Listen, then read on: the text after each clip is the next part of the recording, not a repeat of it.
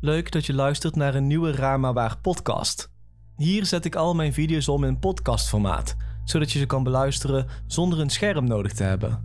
Vergeet ook zeker niet de Raar maar Waar YouTube pagina te bezoeken als je dit soort verhalen interessant vindt. Laten we beginnen met deze podcast. Het jaar is 1893 en je bent op weg naar Chicago in Amerika voor de wereldtentoonstelling. Chicago is een bruisende stad die een voor die tijd enorme groei aan het doormaken is. Links en rechts schieten de hotels en restaurants uit de grond. Bij de wereldtentoonstelling hoor je dat een hotel recht tegenover het evenement altijd wel een kamer vrij heeft. Dat klinkt bijna te mooi om waar te zijn, denk je. Wanneer je eenmaal bij het hotel bent aangekomen, krijg je van de overvriendelijke man achter de balie te horen dat er inderdaad nog één kamer vrij is. Opgelucht haal je adem, ook al vond je de man wel wat vreemd naar je kijken. Het was net alsof hij je met zijn ogen aan het opmeten was. De man begeleidt je naar je kamer, wat nogal een gedoe blijkt te zijn. Het hotel lijkt van binnen wel een doolhof.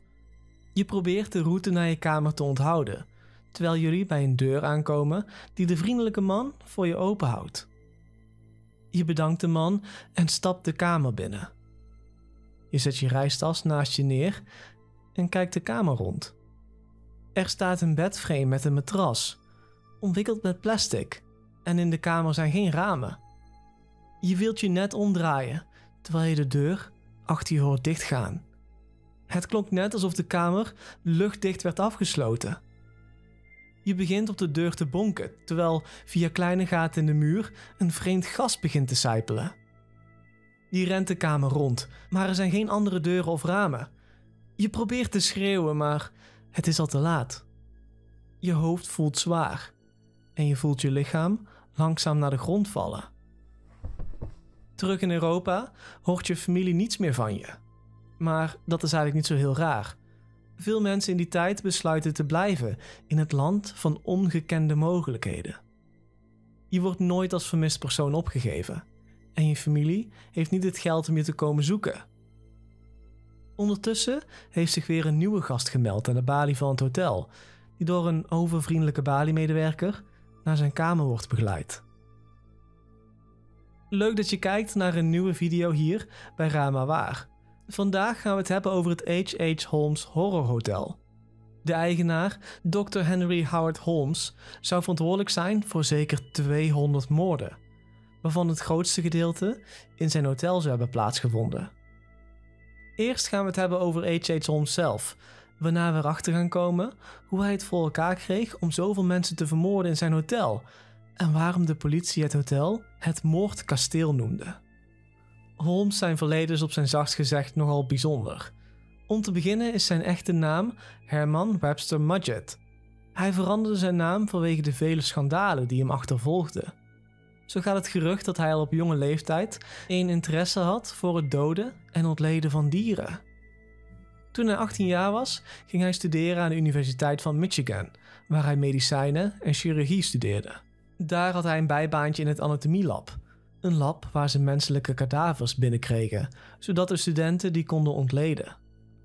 Later bleek dat hij de lichamen waar hij toegang tot had, gebruikte om de verzekering op te lichten.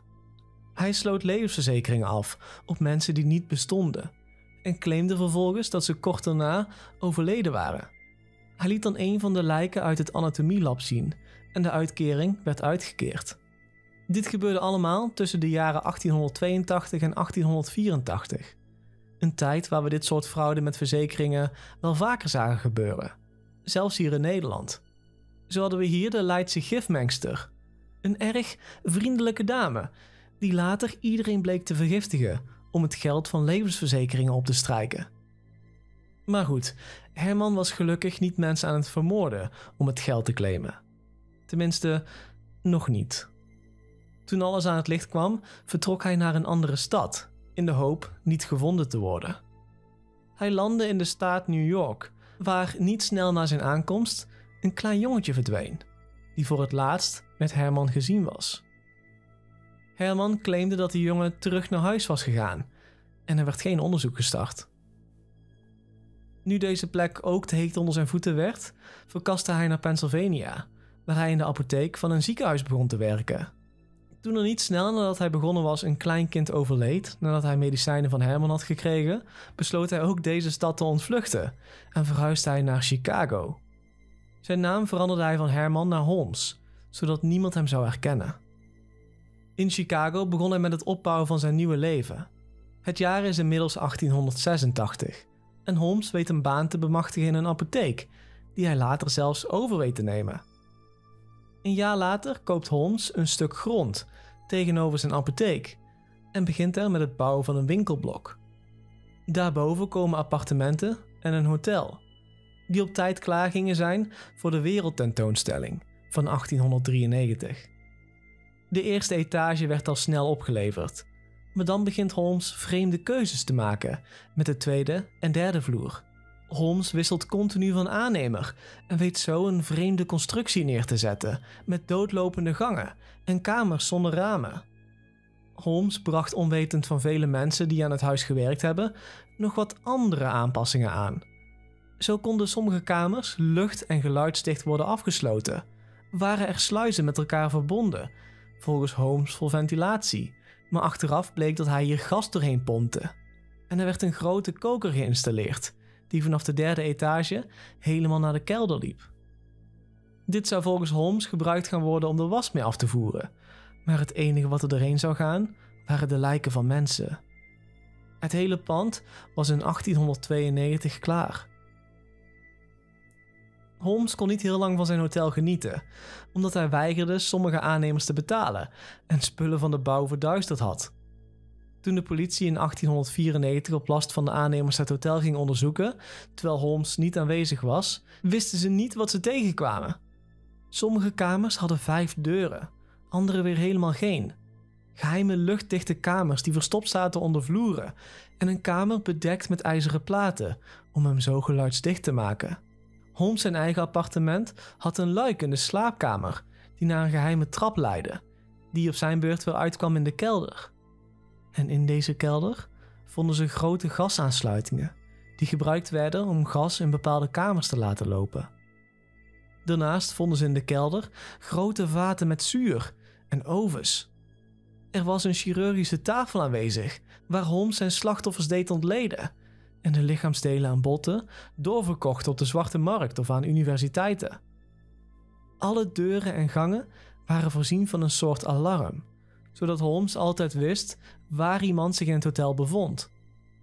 Holmes zou in de twee jaar dat het hotel operationeel was, zeker 150 verschillende vrouwen aangenomen hebben om voor hem te laten werken. Wat er met het merendeel van deze dames terecht is gekomen, is onbekend. Wel weten we dat er een aantal als vermist zijn opgegeven. Holmes kon lange tijd zijn gang gaan, omdat Chicago een enorme groei aan het doormaken was. Mensen kwamen en gingen, en velen verdwenen zonder ooit nog gezien te worden. Sommigen bouwden een bestaan op in een andere staat, anderen gingen terug naar Europa, en weer anderen kwamen noodlottig tot een einde, door gevaarlijk werk of andere mensen, zoals Holmes. Het bijzondere is dat Holmes in eerste instantie aangehouden werd omdat hij voor de zoveelste keer verzekeringsfraude probeerde te plegen. Hij had iemand ervan overtuigd dat hij net moest doen alsof hij dood was, en dat ze dan samen het geld wat ze hadden afgesloten op zijn levensverzekering zouden delen. Alleen besloot Holmes op het laatste moment deze man ook echt te vermoorden. Holmes zat al in de gevangenis voor deze moord en verzekeringsfraude toen de politie zijn hotel ging onderzoeken. Holmes gaf de politie verschillende verklaringen en bekende er bij eentje op zijn minst 27 mensen omgebracht te hebben. Het precieze aantal is niet meer te achterhalen. Holmes heeft een groot gedeelte van de lichamen verbrand in de ovens onder het hotel, opgelost in grote tonnen zuur of doorverkocht aan universiteiten. Holmes werd niet snel daarna ter dood veroordeeld door middel van ophanging. Op de vraag waarom hij deze moorden gepleegd zou hebben, gaf hij het volgende antwoord: Ik was geboren met de duivel in me. Bedankt voor het luisteren naar deze podcast. Heb je zelf ooit eens eens iets meegemaakt? Laat het me dan weten via mijn Twitter of Instagram. Mijn naam daar is Marcello1. Dat is Marcel L-O-W 1. Nogmaals bedankt voor het luisteren en tot de volgende keer.